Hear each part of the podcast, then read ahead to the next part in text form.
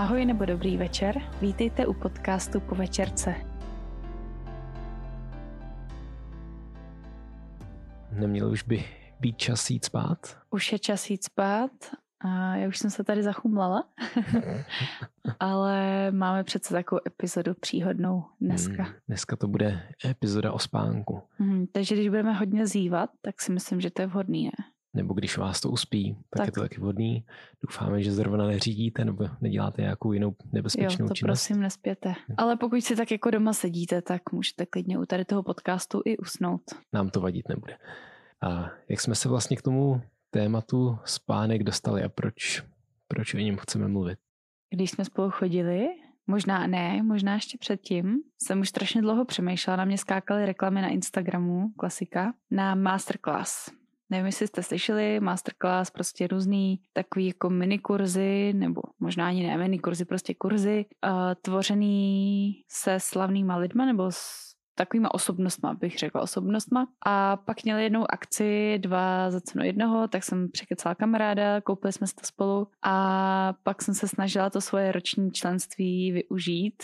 Jenomže jsme spolu začali si jdou asi chodit do, tý, mm-hmm. do mhm. toho nějak. Jíře do toho něco vlezlo, najednou neměla dost času na sledování samostatný. Jo, to bylo docela náročné, já nevím, my jsme spolu trávili strašně moc času. To tak bývá, když se no. dva zamilujou. A bydlejí blízko sebe, že? Hmm. Dobře, tak o tom to není dneska. A tak jsme pak začali koukat spolu na některý, na některý masterclass. A já si teda nevybavu žádnou jinou, kromě... Koukali jsme na Krise Vose. Jo, to byl taky masterclass. Mhm. O komunikaci. Pak jsme koukali na Daniela Pinka, myslím, že spolu taky. Nebo jsem na to koukala sama? Já jsem viděla asi pár epizod jenom, jo. ne všechno. Tak to bylo taky dobrý. A pak jsme koukali teda na, jak se jmenuje, Matthew? Matthew Walker. Na Matthew Walkera o spánku. A já ještě jsem koukala, já jsem koukala na víc, na ty vařící třeba. Mm-hmm. Ty byly super. To jsem možná párkrát taky něco viděl. Já jsem něco pustila. Něco, no a Volker nás zaujal a to bylo podle mě ještě v době předtím, než vyšla českého knížka, nebo, nebo už to bylo po? Já nevím. Někdy Já, okolo té někdy, doby, no. kdy v, čiš, v češtině vyšla jeho knížka Proč, Proč spíme? Proč spíme. A tu jsme si potom taky přečetli. Ty. Ty jsi ji nečetla. Já jsem ji nečetla. Cože? Ty jsi si ji přečetl a pak si ji dal. Pak dal. jsem ji daroval tátovi. A já jsem ji možná měla v nějaký knížce někde, ale vlastně jsem se k ní ještě nedostala. Já jsem si připadala, tak, že mě stačí to masterclass. Pardon, to jsem nevěděl, končíme natáčení podcastu a jdem, jdem to dohnat.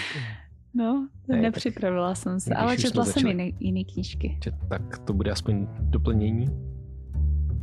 Proč nás to zaujalo tenkrát, nebo co jsme si z toho tak jako odnášeli? Ty jo, já už přesně nevím. Já jako vím, že jsem ten spánek asi začala potom trošku řešit víc. Já si nejsem jistá, jestli to bylo předtím nebo potom, co jsem začala chodit spát pravidelně. Mm-hmm. Fakt si to teďka nedokážu srovnat časově, ale Možná řeknu, jak jsem to měla já. Já jsem jako od vejšky chodila spát tak dva, prostě jak se to hodilo, ale většinou okolo půlnoci, třeba po půlnoci. Pak jsem to, že jo, někdy dospávala a tak. Bývala jsem hodně unavená. A pak, když jsem začala pracovat jako učitelka, tak z kraje jsem měla úvazek úterý, středa, čtvrtek, pak jsem začala mít úvazek úterý, úterý, středa, čtvrtek, pátek a vypadalo to tak, že v pondělí, v úterý a ve středu jsem šla spát o půlnoci. Spala jsem těch 6 hodin a ve čtvrtek po tom, co jsem se vrátila ze školy, jsem si musela jít lehnout a v pátek jsem si odpoledne taky musela jít lehnout. Že prostě už jsem to nedávala. Že jsem vždycky jela první tři dny málo spánku na max a pak jsem byla tak hotová, že jsem fakt musela dva dny za sebou si dávat odpoledního šlofíka. Takže já jsem měla na šlo šlofících. A Volker hodně mluvil o tom, o kvalitě spánku, o pravidelnosti a tam někdy okolo té doby jsem začala fakt chodit spát pravidelně a možná to bylo i covidem. To nějak jako se sešlo, ale během covidu jsem začala chodit spát v 11 pravidelně a v 7 jsem stávala. To bylo úplně super. To byl mm-hmm. podle mě můj ideální jako čas. Mm-hmm. Ale teďka už si vzpomínám, to mám tady teda monolog a ty pak tomu no, Pak se zeptaj zase mě.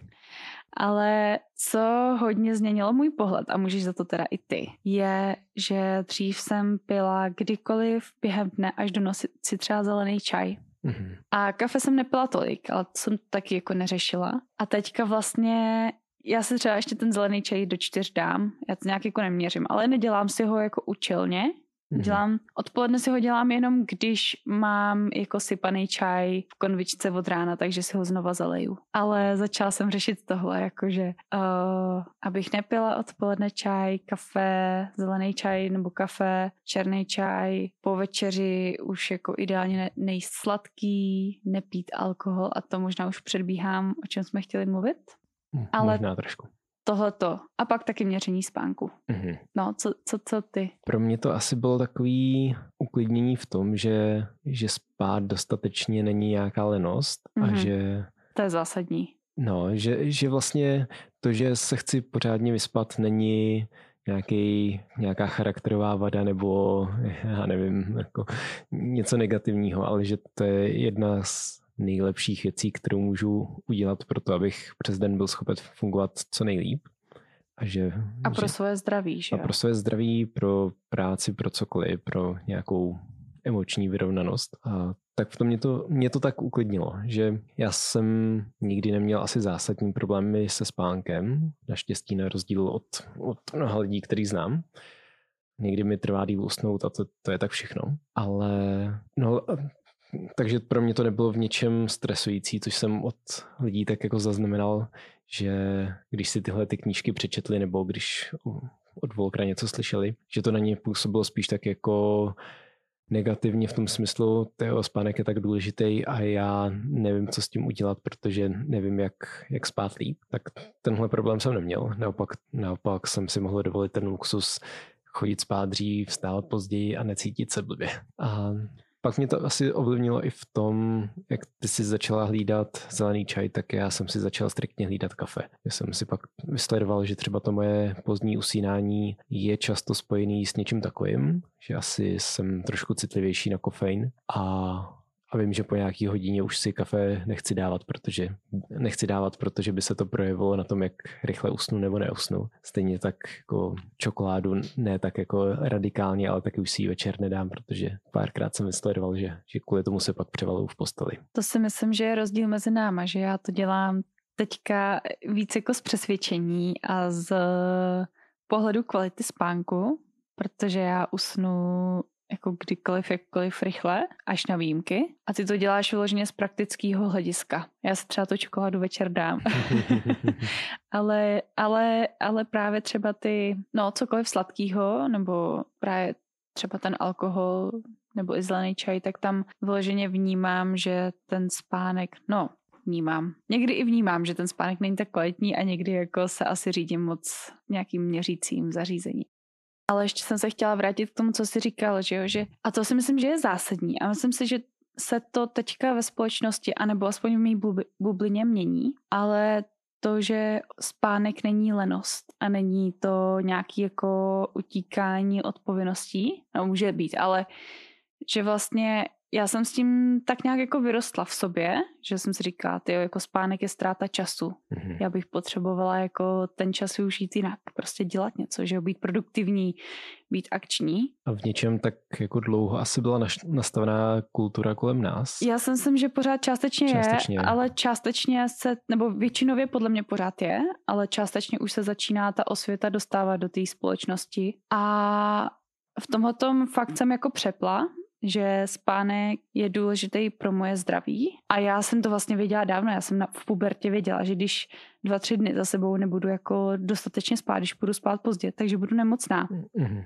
A jednou jsem to vyloženě udělala jako ve, svůj, ve svůj prospěch, že jsem potřebovala být nemocná, tak jsem jako ponocovala. Že já jsem věděla, že třeba třetí den začne bolet v krku. Takže vlastně jsem to někdy jako už věděla, ale takhle jsem to jako si převrátila, že pro své zdraví to nejlepší, co můžu udělat, je spát jako dostatečně, ne se vyspávat, ale prostě chodit spát nějak mm-hmm. pravidelně, spát dostatečně, pokud to jde. A no mě ještě přivedlo na téma odpočinku, o kterým jsme se bavili, že někdy možná mm-hmm. na to tady se otevřeme. Chystáme. To s tím mm-hmm. taky souvisí, ale mm-hmm. to zase přejdeme někam jinam. Jo.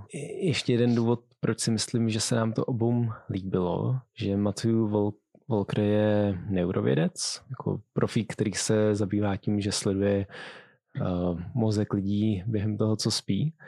A, a to už jste možná, pokud jste poslouchali víc podcastů s náma, zjistili, že tyhle ty neurovědce máme rádi a rádi se na ně odkazujeme. Takže v tom nás to zaujalo, jak jako se to dá měřit a jak se to dá zkoumat a jak třeba to pak souvisí, já nevím, právě s těma emocema a, a se schopností zvládat stres a tak. A nejenom, že jo, emoce, stres, ale i paměť, vlastně když se učíš, že jo, mm-hmm. na zkoušky, tak spánek je strašně prospěšný. Nevím, jestli si chtěl zmiňovat nějaký ty poznatky, nebo i vlastně sportovní výkony. Strašně moc věcí je takových, že člověk je v tom úspěšnější, když má dostatečný spánek, než když nespí. Mm-hmm. A pak taky to, a to jsem já zažila jednou, když je člověk unavený, tak řídí asi tak jako opilej člověk. Jo, to a já tam jsem, přímo Volker říká. A já jsem jednou takhle řídila a fakt, když jsem dojela, tak jsem si říkala, tohle to fakt nebylo bezpečný řízení. Já jsem byla tak unavená, že moje po táboře, že moje reflexy byly úplně otupený. Mm-hmm. Nevím, jestli předpokládat, že všichni, co nás poslouchají, o spánku něco vědí, nebo jestli chcem schrnout takový jako základní poznatky vědců o spánku, když se nechcem stavit do role nějakých vědců, spíš, spíš jsme v tom poučení lajci. Můžeme schrnout nějaký základy. Základy. Tak čím začít? Já asi, když to říkám žákům, snažím se občas o spánku říct něco žákům, tak tak jim začínám popisovat to, že během spánku se střídají různé fáze a že každá ta fáze je důležitá a každá má trošku jinou, jinou funkci. A pokud si to dobře pamatuju, tak se tam mluví o třech fázích, kdy je nejdřív nějaký lehký spánek a, a pak je hluboký spánek a REM spánek, nevím, jestli proto nějaký český výraz. A ten REM spánek je ta fáze, během které se nám zdají sny a kdy mozek nějak zpracovává to, co jsme během dne zažili a propoje si to a právě třeba ty, ty emoce, které jsme během dne prožívali, tak nějak jako sklidňuje a, a právě jako urovnává, aby, aby už další den nás to netrápilo tolik. A pak je tam ta fáze hlubokého spánku, která víc obnovuje naše tělo, jako fyzickou stránku, takže zatímco ta REM fáze je důležitá pro psychiku, tak ta, ten hluboký spánek je důležitý pro, pro fyzické zdraví. Tak to je takový jako základ úplně. A pak se to projevuje ve spoustě oblastí a my jsme nakousli spoustu z nich, jako ty emoce a to zdraví a, a paměť, že třeba se právě během spánku vytváří nějaké spojení uh, dlouhodobé paměti, že jsme pak schopni si to vybavovat. Ještě jedna věc mě zaujala k těm fázím spánku, o čem Volker mluví, že taková laická představa je možná, že se střídají ty fáze pravidelně. A on tam říká, že ne, že, ty, že člověk nejdřív upadá spíš do hlubokého spánku, až v druhé části se, se přechází víc do té REM fáze, což je problém, pokud nějakou tu část vynecháme. Pokud staneme výrazně dřív, než, než bychom měli, tak vlastně přijdeme o většinu REM spánku a o, o ty sny a o to nějak o to narovnávání psychi, psychiky v naší hlavě. A, a další věc, ke který se ještě pak bych rád vrátil, až budeme mluvit o školách, je, že nerozhoduje jenom čas, kdy člověk jde spát, ale že rozhodují nějaký vnitřní hodiny. Čili i když by si člověk myslel, že půjde spát o dvě hodiny dřív a vstane o něco dřív, tak mu to pořád jako nedožené to, ten ranní spánek, o který se ukrátí. Že vlastně se, se to takhle neposouvá, že, že v tom ránu se o ten REM spánek vlastně připraví. No a nesouvisí to pak s tím, jestli seš teda sova nebo ranní ptáče? Asi jo, asi má každý trošku jinak přirozeně časy, kdyby měl chodit jít spát a kdyby, kdyby měl vstávat. A tam je ještě druhá věc, že se to hodně posouvá s věkem, že pro teenagery je typický jako chodit spát později než pro dospělí nebo pro, pro mladší děti, což často rodiče pak vyčítají, mi přijde teenagerům, že, že chodí spát dlouho a ponocujou. Takže jo, jednak co za typ člověka jsme, co nám sedí a pak mm, kolik nám je. Že sám u sebe pozoruju, jak se mi to posouvá, že, že už mi nevadí tolik vstávat brzo a jako budím se, budím se v podstatě sám. To, je, to by pro mě před pěti lety bylo ještě nepředstavitelný. Mě ještě zaujalo, že vlastně nemůžeš se dospat, jako dospat do zásoby, nebo jak to říct, že když celý týden spíš pět hodin v noci, každou noc jenom pět hodin, takže o víkendu to nějakýma deseti hodinama nedospíš. Mm-hmm. Že jsem si vždycky myslela, že jo, že prostě jeden den spím málo a pak druhý den to jakoby dospím. Mm-hmm. Jo, to je, to je hodně zajímavý. A i ten pojem social jet lag, o kterým tam mluví, že, že lidi se takhle snaží dohánit nějaký jako společenský život a, a nějak to dospávat. No, to, to mi přijde jako pro spoustu lidí smutná zpráva, že, že to prostě nejde. Co třeba pro rodiče, že jo? Malých dětí. A tu už přecházíme tedy do naší druhé části, co, co se spánkem udělá rodičovství a co se spánkem dětí vlastně pak. Myslím si, že v životě jsou určité fáze, kdy se člověk musí vyrovnat s tím, že se hod vyspí míň a odumřou mu nějaký mozkový buňky. to zní hezky. To nevím, jestli jsme neposílá, nebo někde jsem zahlíd, jak mužům během během prvních let otcovství se, proč se snižuje IQ. To právě, jsem neviděla. A právě, že to asi souviselo i s, jako s nedostatkem spánku a podobně. A muži mají nedostatek spánku? Eh, já jsem měl no, na začátku. Nevím, jak ostatní, ale, ale... No já vím, že jedna moje kamarádka tu knížku právě nechtěla číst, protože je matka poměrně malých dětí a říkala, že by jí to možná uvedlo do deprese. Mm-hmm, tam... Na to je pak taková, to je zase jiná knížka, co jsem já četla teďka, to je taková jako pozbuzující, ale není zas tak, je zase braná z jiného hlediska, no. Mm, no, Myslím si, že zkrátka určitý období se musí přetrpět a, a to není, že by člověk jako a, si to blbě naplánoval, nebo že některé věci člověk může ovlivnit, ale v tom rodičovství asi těžko, jako když máte tříměsíční mimino a budí se vám každou chvíli v noci, tak, tak se hold nevyspíte. No.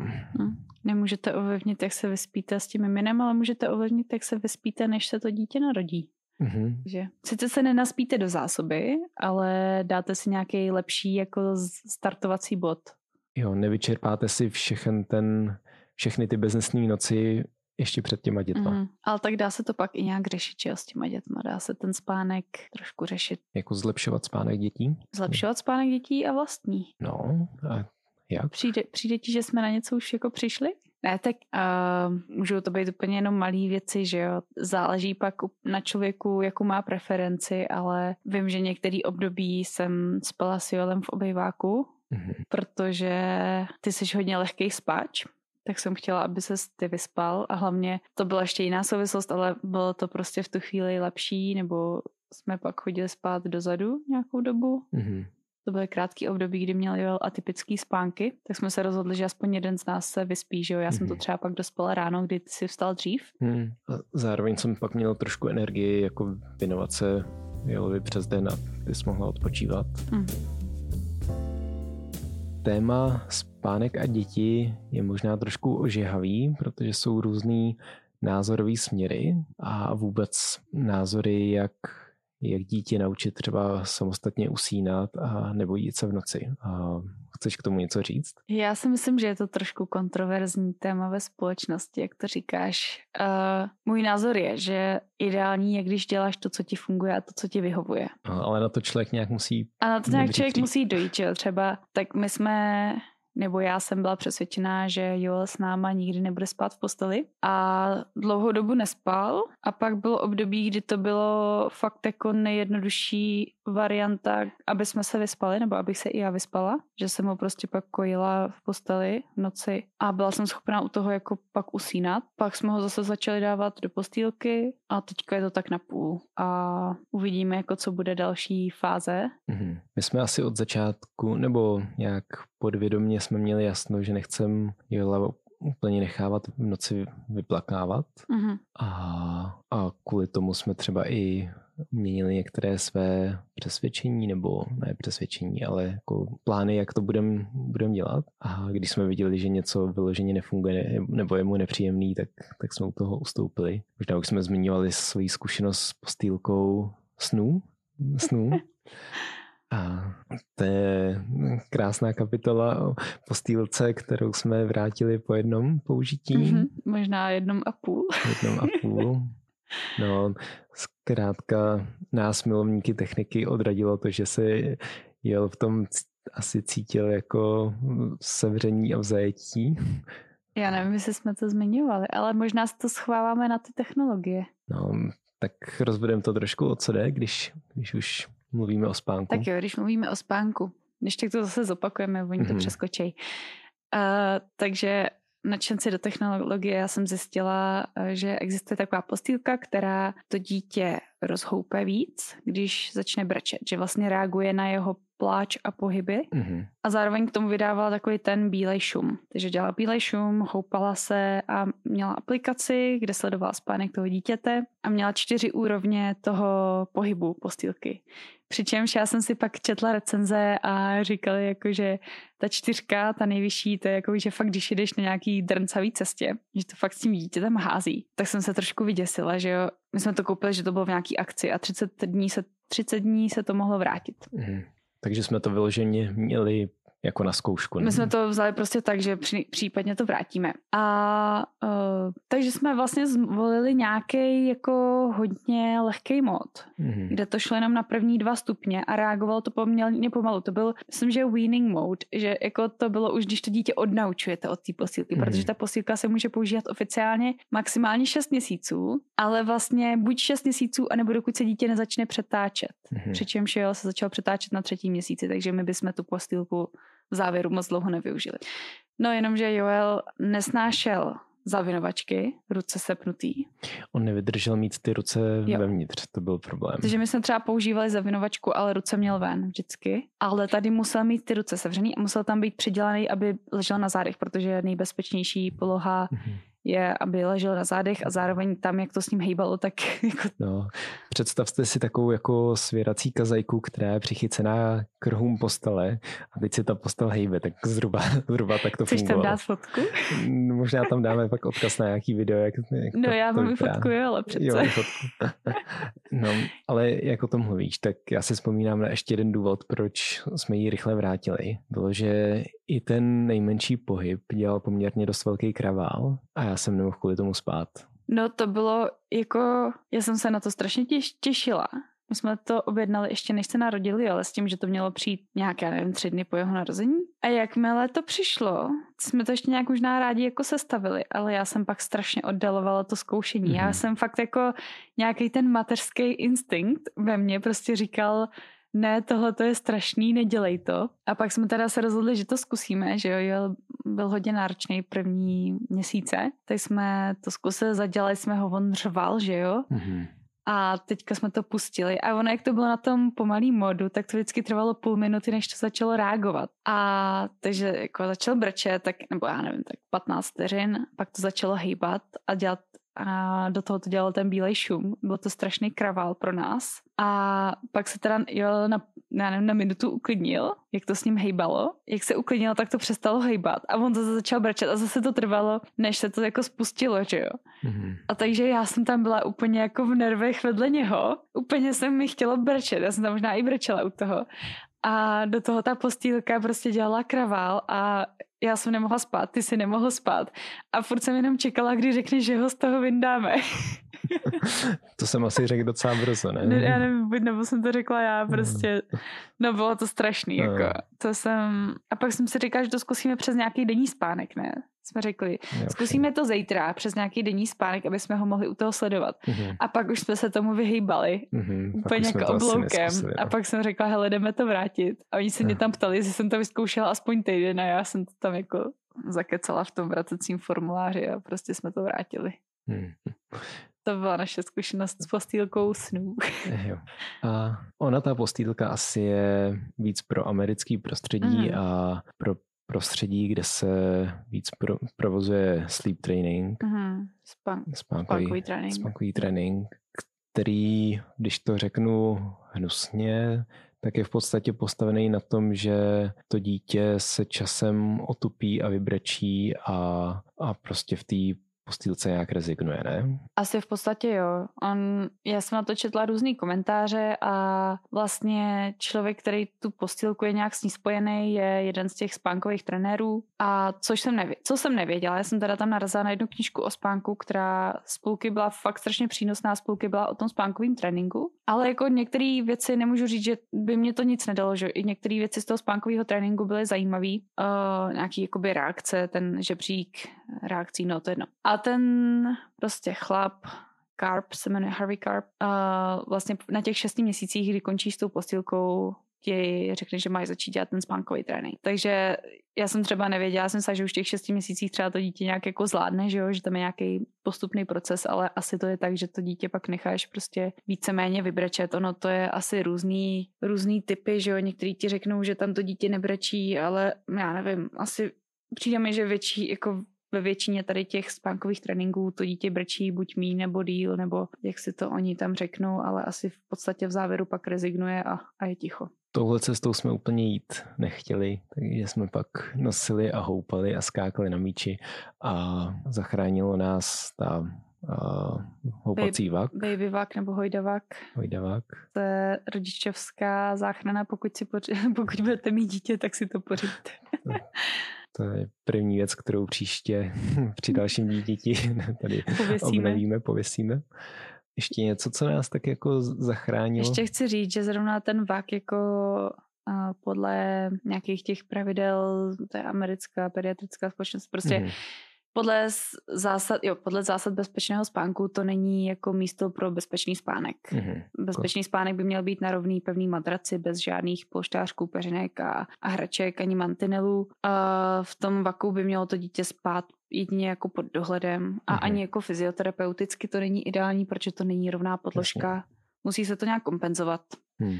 Pro nás to v určitou dobu byla prostě záchrana, občas i v noci, když měl čtyřměsíční regresy a, a budil se fakt každých 40 minut, tak jsem pod ním ležela, občas ho zhoupla, ale jako spala, myslím si, že jsem měla takový polospánek, že jsem byla v té době hodně citlivá na cokoliv a už jsem trošku věděla, jak on spí, takže jsme to dělali na takový jako vlastní riziko. Mhm. Když si nakousla ty bezpečnostní pravidla, tak my jsme u spousty z nich museli volit takový jako kompromis, aby nám to nějak fungovalo. Že třeba hmm. tím, že spal často mezi náma, tak spal i mezi peřinama, což si myslím je další bezpečnostní riziko. A... No on by měl mít tu hlavu, ne, by neměl mít v úrovni peřiny, že jo? Mm-hmm. Třeba když leží vedle matky, tak ta matka by měla být přikrytá asi jako popás. Mm. Ale jsou to nějaký, já to beru, že to jsou ty nejbezpečnější zásady, který jako nikdo nejede na 100%. Hmm, dost dobře. Jsou to dobrý, asi. jako dobrý doporučení, myslím si, že je to dobrý základ, od kterého se člověk odpíchne, ale prostě v našem případě to nebylo úplně jako reálný. Já jsem třeba ani nebyla vždycky schopná, no většinou jsem spala třeba na jenom na jednom boku, ale vždycky, když si z ráno vzal, tak jsem se otočila radostně na druhý bok. ale no, jsou, jsou to jako dobrý zásady, který člověk, myslím si, že dobrý je znát, ale pak si to člověk nějak jako zhodnotí ty rizika a benefity. Kromě toho, že jsme čerství rodiče, ne zas tak dlouho, tak jsme o něco další dobu učitelé a setkáváme se s tím, jak děti spí nebo nespí a jak se to projevuje v hodinách. A jaká máš pozorování ohledně spánku dětí, které si učila? No já se jich úplně vždycky neptám, že jo, ale někdy prostě z nich vylezlo, když byly takový otrávený nebo otravný, že vlastně jako třeba do dvou ráno pařili nějaký hry a že spali čtyři hodiny a že jsou unavený a já vždycky jsem úplně se mi, trošku se mi otevírala kudla v kapse, protože jsem si říkala, ty jo, jako, jak mám teďka s tebou pracovat, jako mm-hmm. já mhm. kdybych nespala, tak, tak jsem podobná. A pak jsou třeba děcka, který mi říkali, že jsou unavený, i když spali 9 hodin. Mm-hmm. A to mě přišlo hodně zajímavý, jakože fakt ty teenagery mají velkou spánkovou potřebu. Mm-hmm. Tam se mluví až o 10 hodinách jo. jako běžně. A to je fakt náročný, že pokud jdou spát v 11, tak nejsou schopní spát 10 hodin a jít do školy, že jo? No, oni by byli schopní spát 10 hodin no, a o víkendu často jsou schopní spát, no. ale prostě současný systém, který tu za chvilku skritizuju, jim to úplně nedovoluje. No, takže uh, to je, já si myslím, že teenageři mají dvě zásadní potřeby pro to, aby by mohli se ve škole dobře učit. A to je být vyspalý a být najezený. Mm-hmm. A já už jsem jako párkrát rozdávala svačiny, abych měla spokojený děti. A vlastně občas si říkám, že bych se měla, nechci je trošku na to navyknout, aby se nespolíhali na moje svačiny, ale už jsem teďka přemýšlela, že bych se jich ptala jako na začátku každý hodiny, jestli jsou najedlí, jestli nemají hlad. A když tak si je trošku jako nakrmila, aby se mi s nimi líp pracovalo, protože oni jsou pak prostě třeba tu poslední hodinu strašně otravný a pak zjistíš jenom, že mají hlad, že už se těší na oběd. A to jim jako nemůžeš odporovat, protože já se třeba už taky těším na oběd no, a mám hlad. Že? Jo, a to jako na jednu stranu se to člověk nějak učí zvládat, na druhou stranu oni jsou ještě ve věku, kdy ne všechny procesy mají dozrálý a prostě třeba nedostatek cukru v krvi je rozhodí silně. No to jo. A, a s tím spánkem mi to přijde o to silnější, že... Tam to nemáš jak jako vykompenzovat no, v podstatě. Jako no, tak, energy drinky, že jo? Energy drinky a polehávání a polehávání na lavici. Mm. To je takový častý projev. Ideál. Kapuce na hlavu a lehnout si. mm. No, já jsem si vytáhl poznámky právě z knížky Proč spíme. Volker má v té knížce celou kapitolu o školství, tak jsem vytáhl pár poznámek, protože hm, to nechci úplně jako říct špatně a přijde mi to podstatný. Tak pár, pár informací. První z nich, která mi přijde jako naprosto zásadní, že dospívající tím, že ne, ještě nemají zralý mozek, tak jsou podstatně náchylnější k duševním onemocněním než dospělí. A častý spouštěč duševních onemocnění je to, že mají nedostatek REM spánku, během kterých ho se právě nějak psychika obnovuje. A nedostatek REM spánku mají proto, že musí stávat dřív, než než by podle svých biologických hodin měli. Jo, protože v první části spánku mají víc toho hlubokého mm-hmm. a v mhm. té druhé části ten REM. Přesně mm. tak. A, a to právě nejde úplně posunout tím, kdy člověk chodí spát, ale je to nějak daný prostě typem člověka a věkem. Takže i když budou vaši pubertáci chodit spát v 8, tak jednak neusnou, protože pro ně bude strašně náročný a jednak se stejně nedospějí, protože prostě jsou naprogramovaný spát později, takže stejně jim ten REM spánek může scházet. Potom jako učiteli mi přijde zásadní, Volker se tam odkazuje na nějakou studii, která prokázala vztah mezi množstvím kázeňských problémů a nedostatkem spánku. Jinými slovy, děti, které špatně a málo spí, spíš budou mít nějaké uh, třídní dudky a kázeňské problémy a tak podobně, protože to zase souvisí s tím, že nejsou schopni zvládat emoce, nejsou schopni reagovat tak, jak se od nich očekává a, a v něčem ztrácí kontrolu nějaký racionální mozek a začínají jet jenom na, na emocích. Takže to pak se projevuje velmi negativně. Mhm. A z dlouhodobého hlediska další studie, na kterou se tam odkazuje, že děti, které měly nedostatek spánku, tak pak prokazatelně víc inklinovali k používání drog. Hm. Že prostě to tam nějak nějaký vztah, vztah byl. A to je těžký teďka. To je, no ještě jsem neskončil. Aha. a pak je tam prokazatelný to, že, a to není překvapivý, že děti, které déle spí, tak si toho víc pamatují a lépe se učí. Protože zkrátka během spánku se to nějak porovnává a ukládá do paměti, takže pak mají lepší výsledky ve škole. A poslední věc, a to zase souvisí s tím, co už bylo řečený, že děti, které více spí, jsou schopné být empatičtější vůči svým spolužákům. Takže, a co my s tím? No, co my s tím? A, no, asi nemáme moc možností, jak to ovlivnit. Co jsem si třeba prosadil, dělám zástupce na střední škole a prosadil jsem si, že začínáme až v půl devátý. Až v půl devátý. Až v půl devátý, což nezní zas tak ve srovnání se základkama špatně, ale v kontextu toho, že je to učňák a učňáky často začínají už v sedm. Mm-hmm. Takže... Ty nultý hodiny ještě, že jo? No, v mnoha a, školách, to je strašný. No a případně, když mají praxe, tak můžou i dřív, což hmm. jako pro dojíždějícího, který začíná třeba v půl sedmí a, a je puberták a potřeboval by spát hmm. třeba do desíti do, dopoledne, tak to je jako strašná, strašný zásah do jeho, do jeho fungování. Já vím, jaký byl masakr na vejšce mít hodiny od sedmi ráno a ještě třeba v zimě, mm-hmm. že jo, mhm. kdy je tma a já jsem byla úplně hotová a to jsme měli prezentační dovednosti předmět a mm-hmm. no jako fakt ne. Mm-hmm. Co mě na tady tom hodně jako přijde zajímavý, že když jsme se takhle bavili s některýma dětskami ve škole, jestli by bylo pro ně lepší mít školu od devíti, tak podle mě je to trošku systémem, že už jsou najetý a oni si tak spočítali, v kolik by jim skončila jako škola a řekli, že ne, že radši si přistanou. A já jsem to vůbec nechápala, mm. že mhm. kdyby jsme to nechali na nich, tak by to vlastně ani nechtěli třeba posunout. Jo. Tak to se možná trošku změnilo. Mí deváťáci mm. By o to hrozně stáli. Jo. A tam už dokonce padaly takové otázky jako, no pane učiteli, když je to takhle špatný, to, že musíme vstávat brzo. Nešlo by to poslat někam jako k soudu do Hágu, k soudu lidských práv nebo tak, jako když, když nás vlastně takhle týrají. To si trošku naočkoval, ne? No, tak řešili jsme spánek, řešili jsme spánkou hygienu a s tímhle přišli sami. Aha. Ale... Lidský práva je hodně zajímají. Hm, samozřejmě.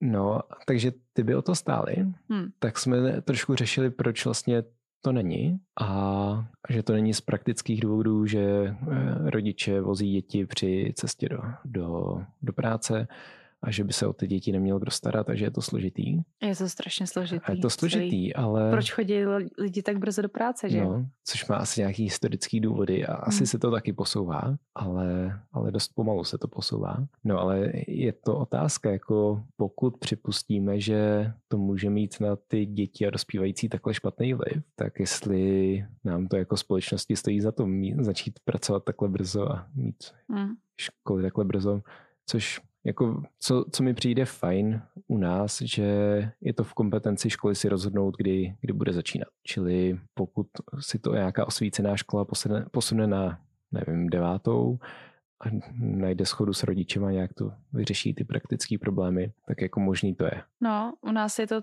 tady třeba jako je to podle mě celý naopak, že většina škol začíná třeba ve tři čtvrtě na osm mm-hmm. kvůli dojíždějícím. Mm-hmm. Takhle úplně jako, když jsem já chodila na základku, tak to změnili. Museli jsme chodit dřív, protože kvůli dojíždějícím, že jim tak jezdí autobusy. Mm-hmm. A ty autobusy někdo tak prostě No, jako přesně. A podle čeho jezdí autobusy? já si myslím, že teďka už jako autobusy jezdí podle těch škol, nebo já mm-hmm. nevím. No ale to jsem zažíval sám při dojíždění na Gimple, že prostě autobus vyjížděl někdy ve čtvrt na sedm. Byli jsme v podstatě v sedm ve škole a pak jsme tam čekali. Hmm. Takže já jsem byl přesně ten středoškolák, který musel stávat brzo a nerad na to vzpomínám. Mm, chápu. Kvůli dojíždění. A taky nevím, proč, proč nejezdilo něco později. Možná jako, že jezdili i nějaký lidi do práce, kterým začínala směna a měli to takhle nastavený. Nevím, ale kvůli školám to určitě nebylo, jakože která škola začíná v sedm. To je zvláštní. Hmm, no, ale i na střední je to boj udržet začátek v devátý pro mě, protože jednak asi ty argumenty spánkové hygieny nejsou dostatečný, nevím. Možná pořád je to kultura toho, že, že to není potřeba a že prostě budou spát dřív a že to jim musí stačit a my jsme to taky zvládli a z nás to nebývalo jinak. A pak právě ty praktické problémy, jakože nevím, pozdější začátek školy znamená právě pozdější večerku, což pro puberták je super, ale pokud jsou na intru, tak pozdější večerku musí mít i nějaký vychovatel a to už jako zase naráží. Mm-hmm. Že... A přitom ty vychovatele tam stejně jsou celou noc, takže... Jak jde, jak jde, to, to mm. záleží. Ale mají pak jako v podstatě můžou spát. Mm. No, nebo právě to odpoledne, o kterém jsi mluvila, že jako, že někteří žáci třeba nevidí důležitost spánku tolik a radši by měli volný odpoledne. Mm, tak pak taky naše společnost je nastavená tak, že tady se všechno v pět odpoledne zavře, že jo? Mm-hmm. A když máš školu dlouho do odpoledne, nebo i práci, tak jako přijdeš pak do mrtvého města. Mm-hmm. A spousta odpoledních aktivit je, mm. je poměrně brzo odpoledne. Mm. Možná bychom se měli přestěhovat do Španělska. Tak to není jediný důvod. o tom mluvíme pravidelně. No, tam chodí dost pozdě spát a školu mají teda od devíti, což není o tolik, ale je to, je to asi znát. Hmm. Mě ještě uh, u těch studií to trošku odbočuju, když si četl, on tam říkal něco o tom posunu času. Hmm máš to tam otevřený někde, co, že to je takový největší pokus na lidech každý Jo, jo, rok, To- že ten den je nejvíc automobilových nehod na silnicích nebo něco takového. No, v ten den, kdy vlastně se zkrátí spánek, Mhm. Tak jednak myslím si, že tam mluvil o autonehodách a že tam mluvil o možná sebevraždy a co si pamatuju, že tam určitě byly množství infarktů. Jo, jo, jo. že se to hrozně infarktů. silně odrazí v nějakém kardiovaskulárním zdraví. A to je strašně zajímavý, protože to je vlastně, to děláš experiment na celým, na, ne Aha. celým lidstvu, ne všichni mají posun času, ale na hodně velké části populace. Mhm. Takový experiment, který můžeš spočítat. Aha. A já myslím, že tam měl i spočítaný, kolik to vlastně stojí zdravotnictví potom. Aha. Že je to jako strašně drahá věc, jen jako blbý posun času. Hm. A my se tady nedokážeme dohodnout, na kterým se zasekneme, že? Přesně. No, takže to, to je pro mě nepochopitelný, že, že do toho ještě někdo nebouk a nezrušilo se to. Jako, ale zas Jestli se uvědomuji- koukají vůbec na ty data, že jo? Asi jo, ale zas podobně jak těch, u těch škol, tak to naráží na spoustu praktických Hmm. problémů. Typu už jenom to se dohodnout na čase v rámci třeba celé Evropy. Hm. Co by si řekl člověku, který fakt se mu blbě usíná nebo špatně spí, co, co se dá s tím spánkem dělat, když teda víme, že je hodně přínosný, je dobrý spát dobře a teďka někdo to poslouchá. Mhm. Já si myslím, že máme docela většinu lidí, co se asi zajímají, ale Mhm. třeba někdo zrovna neví a říká si, no tak jako teďka jsem zjistil, co všechno jako je, se mi může stát, když nebudu spát dostatečně, co, co s tím můžu udělat s tím spánkem. Mhm. Tak my asi dáme nějaký typy, které pro nás jsou důležitý a je dost možný, že na něco zapomeneme, tak se odkážem v poznámkách pak na, na chytrý zdroje. A co mě napadlo první, je pravidelnost. Prostě chodit ve stejný čas spát, ve stejný čas stávat. A druhá věc, která pro mě osobně hodně znamenala, bylo právě to vynechání kofeinu, klidně už po druhý odpoledne, vynechání jako zeleného čaje, vynechání čokolády, všeho, co nějak by mohlo nabudit. A třetí věc, zas, která pro mě byla důležitá, mít v průběhu dne dostatek času na nějaký vyprázdnění si hlavy. Že často, proč jsem nemohl usnout, bylo, že mi šrotoval nějaký problém, nějaká situace ze dne a, a to mi vlastně bránilo. Takže jako najít si večer čas, klidnice a to je možná další, další věc, mít nějaký takový ty večerní rituály, což jsme možná mohli zmínit u spánku dětí, že je to pro ně důležitý jako už to tak mít najetý a pro mě samotného je to taky důležitý. Jako vím, že nemůžu do poslední chvíle předtím, než chci jít spát, dělat na počítači, protože jako i kdybych nebral v úvahu modrý světlo, tak, tak ta myšlenková činnost, kterou tam provozu, by mi nedovolila usnout. Hm. Co ty My, máš? taky, my taky pijeme takový čajíčky, že jo. No, Meduňka a tak, Hm, jasně. Dneska pijeme třezalku s hanybušem, taková naše směs domácí. A myslím si, že taky jak jsme si udělali ložnici, nebo udělali, my máme ložnici v podstatě jenom na spánek, Mhm. tím, že není velká a je to tak. Teďka už jsem přemýšlela i tí, že by to vypadalo jinak, ale to je jedno. Uh, ložnici zatím teďka používáme jenom na spánek, je tam tma, máme tam závěsy a větráme na noc. Mhm. Takže chladný prostředí je dobrý. Ty si teda dáváš teplou sprchu předtím. Mhm. Je docela dobrý mít zahřátý nohy a nějak se ti pak ochlazuje střed těla a tím líp usínáš. Něco Ně- takového Nějak tak je. to bylo, že jo, jsem to četla. Ale teda ta chladná ložnice je docela fajn. Dobrý přikrývky, fakt dobrý prostředí, provětraný. Já usínám u knížky ráda a co ještě. Ale asi je dobrý vypozorovat, jestli, pokud je to i možný v práci, že jo, posunout si třeba práci, pokud jste sova, tak jo, třeba zůstat díl večer z hůru, jít později ráno do práce, nebo naopak a v tom si víc nějakou tu pravidelnost, pro mě plus minus jedna hodina. Mhm. Jakože tom to nějak nevnímám špatný a nebo špatný.